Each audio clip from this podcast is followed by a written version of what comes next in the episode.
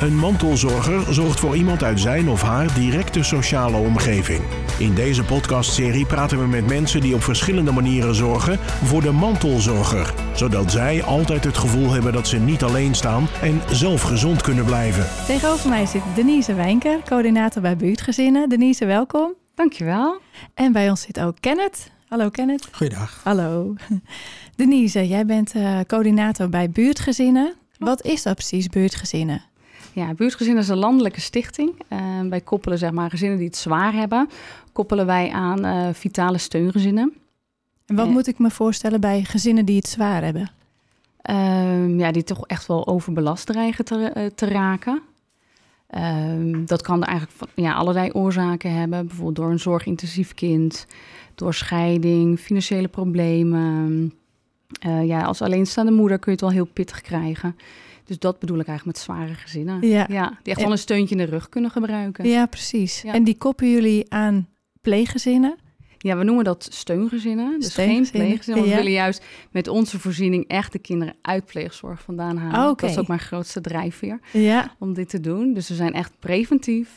Geen hulpverlenende instantie. We houden het lekker uh, luchtig en laagdrempelig. Ja. En eigenlijk door uh, gezinnen bij elkaar in de buurt te koppelen... Die mag ik met elkaar matchen en verbinden. Ja. Nou, en die gaan wat voor elkaar betekenen, waardoor eigenlijk een uh, vragenzin niet verder overbelast raakt. Uh, Oké. Okay. Ja. En, en uh, wat, wat doet zo'n steungezin dan? Ja, bij ons is eigenlijk alles maatwerk. Dus uh, daar kan ik niet 1, 2, 3 een antwoord op geven. Maar over het algemeen, het kan eigenlijk variëren van een, um, een leuk speelplekje bieden voor een kind. Uh, voor een chronisch zieke um, gezin of een ouder bijvoorbeeld uh, een ritje naar het zwembad verzorgen om te ontlasten. Het kan een weekendje logeren zijn in de maand of een dagdeel in de week een kindje opvangen. De kinderen, wat wel uh, altijd voorop staat, is dat de kinderen zeg maar, van het vraaggezin gaan naar het steungezin bij ons. Ja. Dus dat is altijd wel heel bijzonder aan deze voorziening. Ja. Maar daardoor kunnen ouders, de overbelaste ouders, opladen. Of bijvoorbeeld naar therapie gaan, maar net wat nodig is op dat moment. En uh, de kinderen die naar het uh, steungezin gaan, die krijgen extra liefde en aandacht eigenlijk. Uh, die kunnen gewoon ontspannen spelen, want soms Ja. is de sfeer thuis misschien niet zo fijn. En kunnen ouders, ja, bij alleenstaande moeders zie ik dat helaas, die kunnen als ze overbelast zijn gewoon niet meer echt genieten van hun kinderen. Ja. En dan ja, krijgen de kinderen best wel wat te verduren thuis. Ja. En door ze even uit die situatie te halen, kunnen ze gewoon even kind zijn. Ja. En als ze terugkomen, zie je dan ook weer verbetering in, in, het, uh, in het hulpgezin of in het vraaggezin? Jazeker. Nou, ja. eigenlijk zie ik bij de meeste koppelingen die ik gemaakt heb, uh, na een half jaar, zie ik echt alweer een twinkeling in de ogen terugkomen. Ja, wat mooi. Dus dat is echt prachtig om te zien. Ja. Uh, wat ook heel mooi is aan deze voorziening, is dat ik dat namelijk die koppeling twee jaar mag begeleiden. Nou, na twee jaar hebben ze mij niet meer nodig. Ik begeleid de koppeling, we houden evaluaties met elkaar. Uh, en de steun- en vragenzinnen kunnen altijd een beroep op mij doen als zij iets uh, nou ja, ingewikkeld vinden om te bespreken of ze Ja. hebben een niet-pluisgevoel. Dan lopen wij als coördinator zeg maar mee op de achtergrond. Ja. Um, ja, en de koppelingen duren dus twee jaar en uh, heel veel voorzieningen zijn maar voor een half jaar. Ja. Maar een overbelaste ouder is natuurlijk helemaal niet geholpen met maar een halfjaartje steunen en stutten, wat we doen. Want dan ja, ben je misschien net weer een beetje uit je reserve. Dus mensen, ja, we vragen echt een langdurige commitment van uh, steungezin. Dat is Ja. echt wel twee jaar voor een gezin. uh, En is, is twee jaar dan ook echt maximum of is het ook wel eens langer dan twee jaar? Nee, het is echt wel langer, want we staan uh, nu zes jaar. Ja. En er zijn koppelingen, ja, die lopen drie, vier jaar. Uh, kijk, ik zeg altijd, je krijgt er eigenlijk een beetje familie bij. Uh, ja. En na twee jaar heb je mij niet meer nodig, omdat je dan al zo goed met elkaar overweg kunt. Dan is die, ja, dan is eigenlijk, uh, staat niets in de weg om nog alles, ja, om alles met elkaar te bespreken. Nee, precies. Dus ik begeleid het twee jaar lang en dat wordt ook uh, natuurlijk uh, gefinancierd vanuit de gemeente. En daarna ja, vieren we een feestje, want het is natuurlijk hartstikke mooi als je twee jaar aan elkaar gekoppeld bent. Ja. En de meeste steunen vragen zinnen gaan daarna gewoon nog met elkaar door als dat nodig is. Kijk, en als we zien dat, dat het na een half jaar dat een gezin, een overbelast gezin, al voldoende hulp heeft gehad. En zonder het steungezin kan, nou, dan kunnen we ontkoppelen. Kunnen we zeggen van nou, dan kan de ondersteuning uh, stoppen we dan. Ja. Maar uh, dan zien we wel vaak dat uh, gezinnen nog wel contact met elkaar houden. Ja, ja. precies. Dus Ja. dan dat, dat ontkoppelen, is er dan ook nog een feestje waard? Nou ja, als het niet meer nodig is, dan wel eigenlijk. Ja, ja dan hebben we in ieder geval bereikt wat we willen bereiken. Ja, precies. Dus je willen gewoon eigenlijk ouders weer in hun kracht zetten, zodat ze zelf die opvoeding weer volledig aan kunnen. Ja. Dat is zo mooi. En zo'n steungezin, heeft er dan echt één vraaggezin ehm, of, of zijn er soms ook wel eens meerdere kinderen die zij opvangen? Ja, dat is, nou ja, dat is ook iets wat uh, de steungezinnen zelf aan mogen geven. Oké. Okay. Zeg per situatie. Kijk, de ene gezin uh, vindt het heel fijn als er nog drie kinderen bij komen. Die hebben er bijvoorbeeld al drie, vier, die draaien hun hand daar niet voor om. Ja. Maar als je zelf nog twee kleine kinderen thuis hebt bijvoorbeeld, dan uh, doe je er verstandig aan om nou ja, is dat ook maximaal één, twee je, kinderen te Is dat koppelen. ook iets wat jij adviseert dan? Ja, zeker wel. Ja. Ik houd het wel in de gaten. Ja. Want ik vind als een kind naar een steungezin gaat, is het natuurlijk wel fijn dat hij echt wat liefde en extra Ja. aandacht krijgt. En als je dan een heel druk gezin terechtkomt, ja, dan slaat het een beetje de plank mis. Ja, precies. En eh, wat ik ook heel vaak zie, ehm, eh, ja, ik bekijk altijd per situatie van wat is de beste manier om dat gezin te ontlasten. Dat doen we echt in samenspraak met het vraaggezin. Dus je kijkt gewoon naar de best mogelijke oplossing. Ja, En natuurlijk de, naar de steungezinnen die je al klaar hebt staan eventueel. Ehm, ik zie dat broertjes en zusjes eh, vaak toch hele andere behoeften hebben van het vraaggezin. Dus ik vind het juist heel mooi om dan toch voor ieder kindje een apart steungezin eh, te werven of te koppelen, zodat ze daar eh, ja, echt iets eh Echt ook, krijgen, echt, echt wel de aansluiting hebben. ja. dus Qua hobby's of andere dingen. Ja. Of een vaderfiguur. En de ander heeft misschien weer behoefte aan een, nou ja, dat hij ergens een grote broer kan zijn. Ja, Dus, zo- broertjes en zusjes worden niet altijd in hetzelfde steungezin geplaatst. Nee, dat eh, bekijk ik altijd per situatie. Ja, Ik vraag natuurlijk aan de ouders wat hun wens is. ja, Want je wil, dat is natuurlijk wel belangrijk, dat je niet eh, een overbelast gezin nog meer gaat overvragen. nee, precies. Dus ik kijk altijd van wat is haalbaar, weet je wel. Is het voor dit gezin praktisch gezien ook ehm, handig als ze dan nog eens twee steungezinnen erbij krijgen, waar Ja. ze ook weer afspraken mee moeten maken. Dus het ligt ook een beetje aan hoeveel hulpverlening al aanwezig is. Ja. Ja, ja dus daar moet ik wel voorzichtig mee zijn. Ja, eh, precies. Maar soms is het eh, de absolute wens van, eh van, van vragen. Ja. Ja. En dat vind ik juist mooi, dat vragen wel echt ja, complete regie hebben ook. eh, ze mogen alles eh, aangeven bij mij. Ja, Ja, en ik ga dan op zoek naar de best mogelijke oplossing ja. eigenlijk. eh. En, en de best en mogelijke match. match. Ja, ja, ja, zeker. Ja. Hey, en aan het begin van ons gesprek hè, zei je van eh, nee, eh, pleeggezinnen, daar willen ze eigenlijk zoveel mogelijk buiten houden. Ja. Waarom is dat? Nou, als je een kind naar pleegzorg gaat, dan is het al wel geëscaleerd thuis. Ja.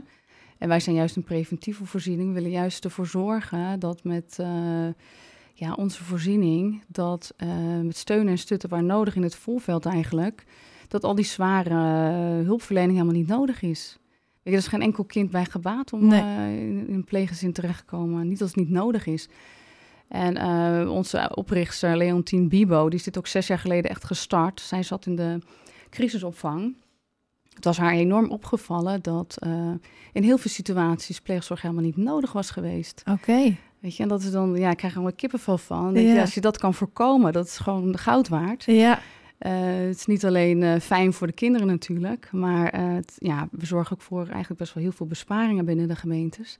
En er gaat al zoveel geld naar, jeugdzorg natuurlijk. ja, Dus ja, als we een, een zorgboerderij kunnen besparen of ambulante hulpverlening terug kunnen schroeven, ja, dan is het natuurlijk mooi meegenomen. Ja. ja dus eigenlijk win-win situatie. ja, precies. Ja. En een warme oplossing. Ja. Ja, absoluut. Dus, eh, En, en je zei eh, de, gestart, hè, ongeveer zes jaar geleden? Ja. Eh, gestart. Ehm, en, en jij bent ook voor, voor gemeente Schagen vooral de coördinator, hè? ja, klopt. Hoe ben jij bij buurtgezinnen terechtgekomen? Ja, ik ben dus coördinator van drie gemeenten inmiddels. Schagen, Kogeland en nog meer. Ja. Ehm, en wij zijn zelf ehm, zijn wij ook steungezin bij buurtgezinnen.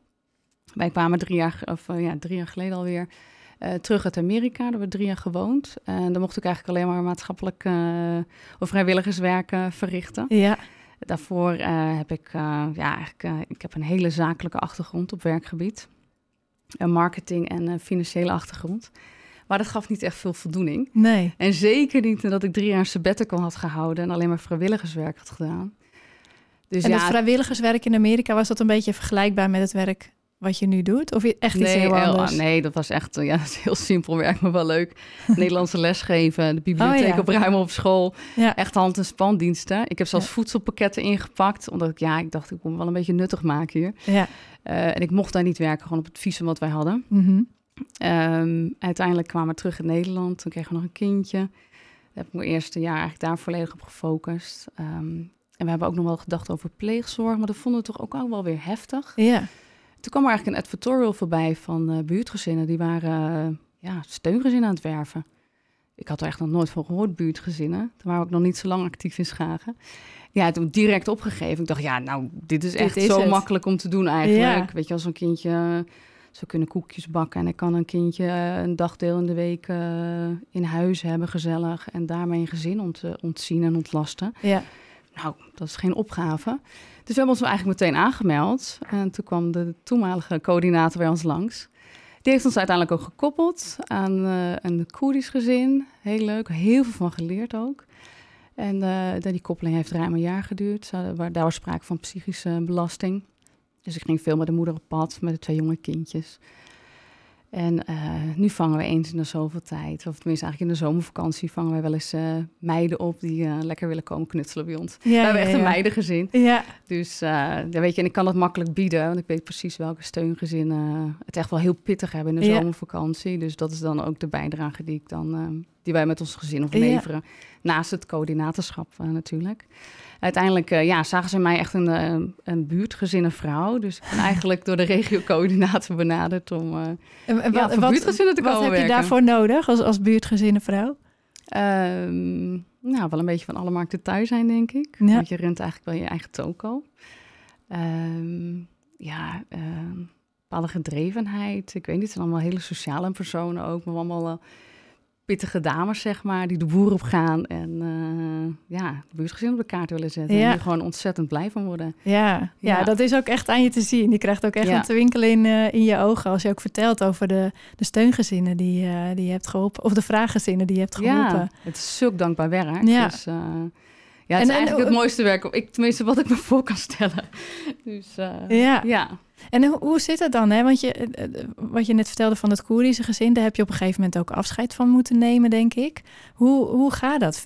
Was dat moeilijk? Vond je dat lastig? Nee joh, want we hebben helemaal geen afscheid genomen. Oké. We, we hebben, ik, het is eigenlijk gewoon een vriendin van mij geworden. Oh, echt waar? Wat Ja. mooi. Ja, dus we hebben nog steeds contact.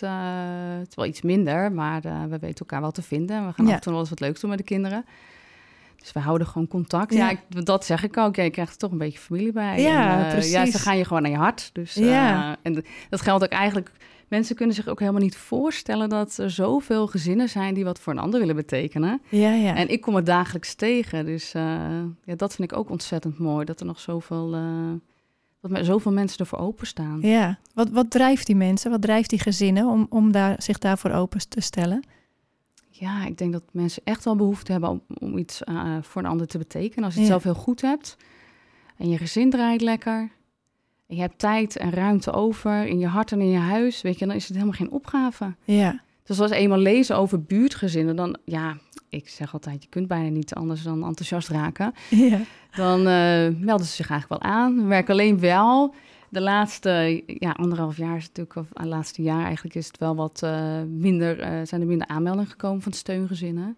Heeft dat met corona te maken of is dat een andere oorzaak? Nee, het is toch een beetje meer behoudend, eh, weer afwachtend van ja, wat staat ons nog te wachten. Ja. En, eh, Maar geeft dat juist niet het probleem? Ik bedoel, je hoort het nu in het nieuws al eh, veel. Hè? eh, omdat er in corona iedereen een beetje meer thuis zat. eh, Ja. We niet eh, weten wat er achter de deur gebeurt. Ja.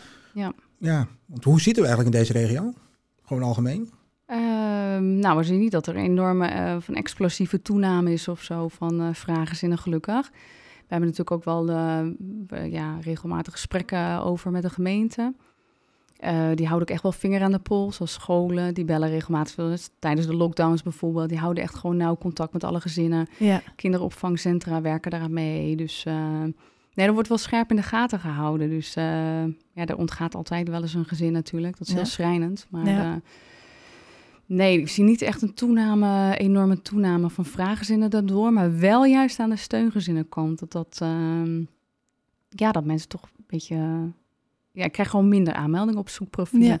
Ja. Wij schrijven vaak een stukje over de vraaggezinnen voor wie we een gezin zoeken, ondersteuning zoeken. En ehm, ja, normaliter uh, kwam er wel eens een storm van aanmeldingen op af. Maar dat, uh, ja, daar heb ik wel, we hebben wel een uh, solide database opgebouwd in Schagen. Dus er staan wel heel veel gezinnen startklaar. Ja.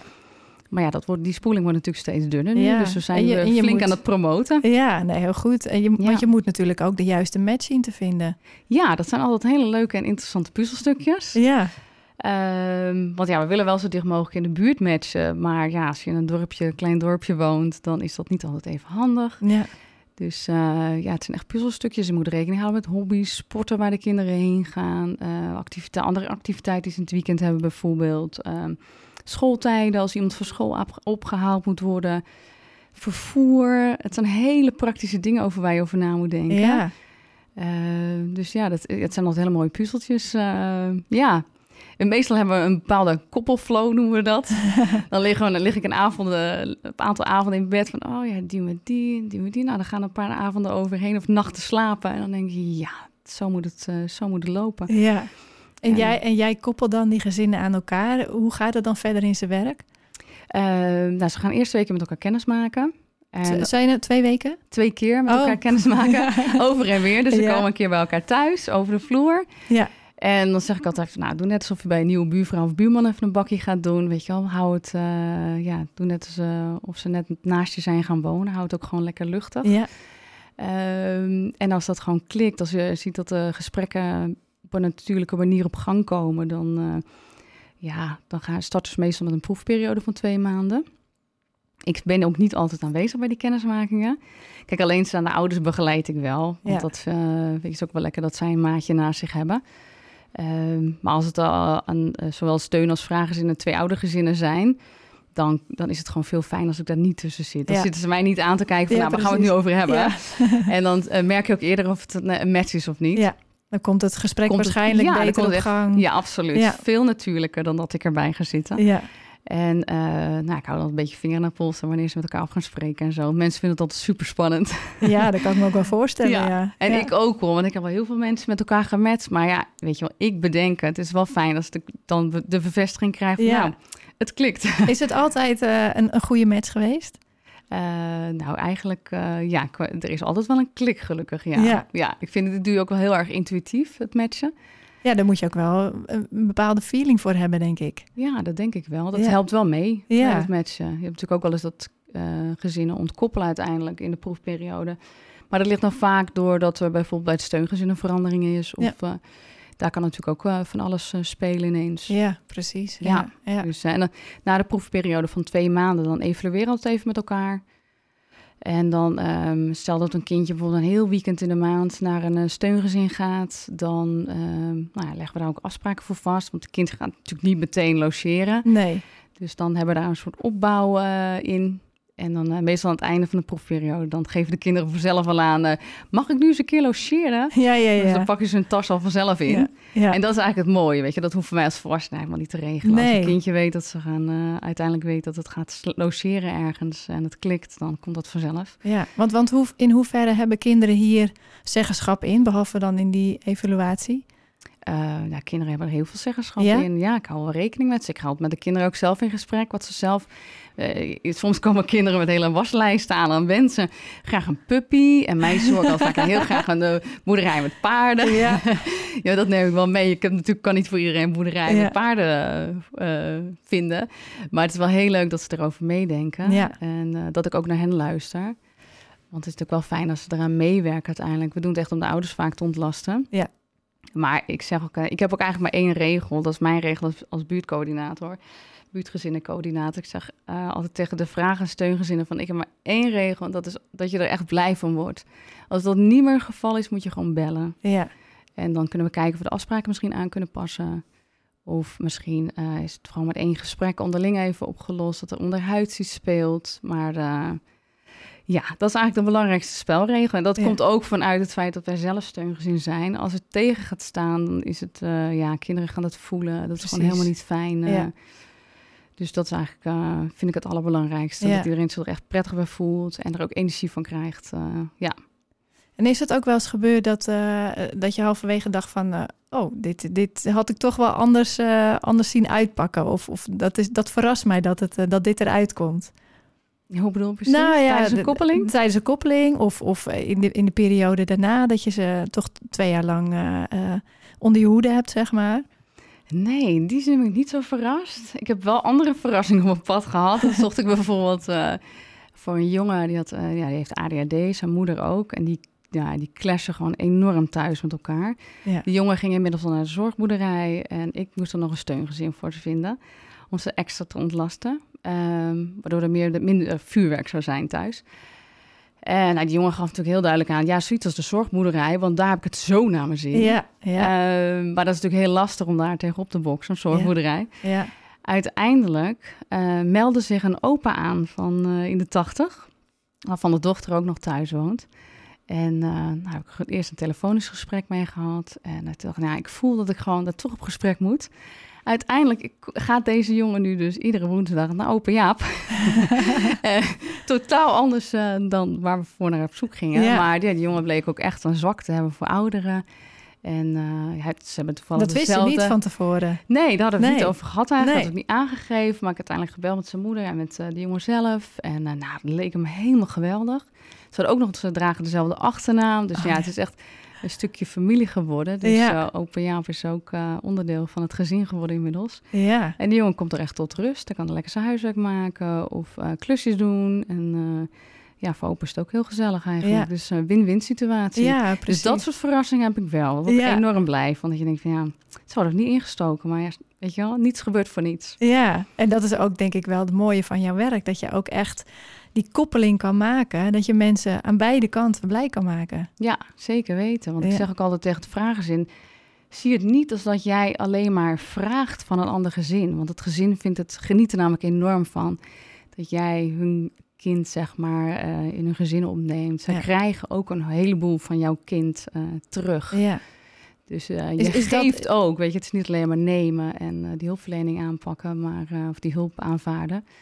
Maar jij geeft ook enorm veel uh, door je kind uh, ja, een ander gezin onder te brengen, die dat met alle liefde doet. Ja. Is, is dat ook het moeilijkste voor een uh, vragenzin, om, om, om echt die hulp te vragen? Ja, dat is een enorme drempel. Ja, helaas. Ja. En zeker in het West-Friese. Ik werk natuurlijk ook in op meer Kogeland. Daar ligt de drempel nog iets hoger, denk ik, dan in Schagen. Maar um, ja, ik zeg ook altijd, het is enorm moedig als je jezelf aanmeldt. Want ja we zijn toch allemaal opgevoed met we moeten het allemaal maar zelf uh, redden. Ja. Maar er zijn toch wel heel veel gezinnen met uh, ja, een enorm klein sociaal netwerk. En als er dan iets op je pad komt waardoor het allemaal heel wankel wordt, ja, dan is het toch wel heel fijn als wij dat sociale netwerk uit kunnen breiden. Ja, ja. Ja, dus uh, de meeste vragen hebben ook echt een klein sociaal netwerk. Uh, daar valt of staat het toch wel mee, zie ik. Ja, als er iets op je pad komt. En dat kan dus allemaal gebeuren. Hè? Weet je, het is niet, uh, dat zeg ik ook altijd vrij tegen vragen. In ieder huisje heeft zijn kruisje. Precies, ja. En uh, ik vind het eigenlijk heel moedig. Uh, het getuigt van heel veel liefde voor je kind. Als je buurtgezin inschakelt. Ja. ja. En zijn er dan altijd de ouders zelf die jullie inschakelen? Of krijgen jullie bijvoorbeeld ook van huisartsen of scholen, zei je al in het begin, hè? Dat, ja. dat die ook een oogje in het zeil houden? Consultatiebureaus, het wijkteam, uh, ambulante hulpverleners, intern begeleiders op school. Dus we, ja, wat dat betreft uh, kunnen aanmeldingen eigenlijk uit alle hoeken en gaten komen. Ja. Uh, omdat we nu inmiddels in Schagen ook echt op de kaart staan. Ja. Um, en ja, soms in, in een enkel geval meldt het vragenzin zichzelf aan. Ja. En dat is eigenlijk extra dapper. Ja, ja. zeker. En, en, en is, dat, is dat ook nou, ik wil niet zeggen de beste manier, misschien een, een, een mooiere manier om toch bij jullie, voor je, uh, met jullie in aanraking te komen? Nou, ik denk niet mooier. Uh, het is maar net wel, ja, of je anders ons, ons een keertje bent tegengekomen, denk ik. Ja. je kan gewoon ook een belletje plegen natuurlijk naar het wijkteam en je verhaal doen en dan pas van buurtgezinnen bijvoorbeeld horen. Ja. Uh, dus mooi wil ik op zich niet zeggen. Want weet je, niet, het is niet altijd eh, dat er al een hele lading hulpverlening in een gezin zit. Uh, nee, soms daarom. als ze zich aanmelden, ja, dan, dan ben je nog preventiever bezig misschien. Ja. Maar, ja. ja. Wat, wat, wat zou je nu tegen mensen willen zeggen die, die, die deze podcast luisteren en die denken... nou, eigenlijk zou ik wel bij buurtgezinnen willen aankloppen. Ja, Wat- nou ja als, als vragenzin natuurlijk. Als je denkt van, nou, ik kan wel een steuntje in de rug gebruiken. We hebben, dat is ook zo fijn. Je, kan als, je, kan, je kunt je eigenlijk gewoon direct aanmelden via onze website. Dat is gewoon www.buurtgezinnen.nl. Eh, daar vind je ook alle telefoonnummers van de lokale coördinatoren. En we hebben geen voorzieningen nodig, eh, geen beschikkingen en dergelijke van de nee, je kan gewoon meteen bij jullie terecht. Ja, en we Ja. kunnen ook meteen voor je aan de slag. We kunnen ook vaak heel snel schakelen. Dus eh, als je denkt dat het iets voor je zou kunnen zijn, ja, neem gewoon vrijblijvend contact op. Dan kom ik gewoon een bakkie doen. Ja, Zo simpel is het. Ja. En we, dan kijken we samen wat we eventueel voor, het gezin kunnen betekenen. Ja, voor de vragenzin geldt precies hetzelfde. Als je Ja. enthousiast van wordt en denkt van, nou, ik voel me geroepen om iets voor een ander gezin te betekenen. Meld je aan als steungezin. Dan, komen we, dan kom ik langs om kennis te maken of een collega van mij. En eh, ja, het, weet je, het is ook niet een heel groot traject. We gaan twee keer komen we kennis maken als coördinator. En ik krijg een uitgebreide vragenlijst. Ja, En je, wordt niet, je wordt niet gescreend en je hebt geen eh, verklaringen, wat dan ook nodig. Je, je kan gewoon eh, na twee gesprekken met jullie kan je gewoon aan de slag als steungezin. Ja, we vragen nog wel een verklaring omtrent goed gedrag aan. Ja, ja, En dat doen we als, we als ik denk dat er een match aan zit te komen. Als we Ja. mensen gaan kennis met elkaar gaan maken met elkaar. Dus dat de, ja, de verklaring omtrent goed gedrag vragen we wel aan voor steungezinnen. Ja, En niet snap van de ik. vragenzinnen. Dus Ja, als daar iets gespeeld heeft, dan uh, wij, wij vinden dat iedereen een tweede, derde, vierde kans verdient. Dus uh, dat doen we alleen maar de steungezinnen Ja. die uh, verklaringen aanvragen. ja. Ja, Nou, super. Hartstikke bedankt voor dit mooie gesprek. en jij ook bedankt. Bedankt voor de uitnodiging. Nou, graag gedaan. Wil je nou meer weten over dit onderwerp? Ga dan, dan naar onze website. Bedankt voor het luisteren en tot de volgende keer. Dit was Mantelzorger. En nu een samenwerking tussen Streekstad Centraal en het Mantelzorgcentrum. Meer informatie over mantelzorg is te vinden op mantelzorgcentrum.nl.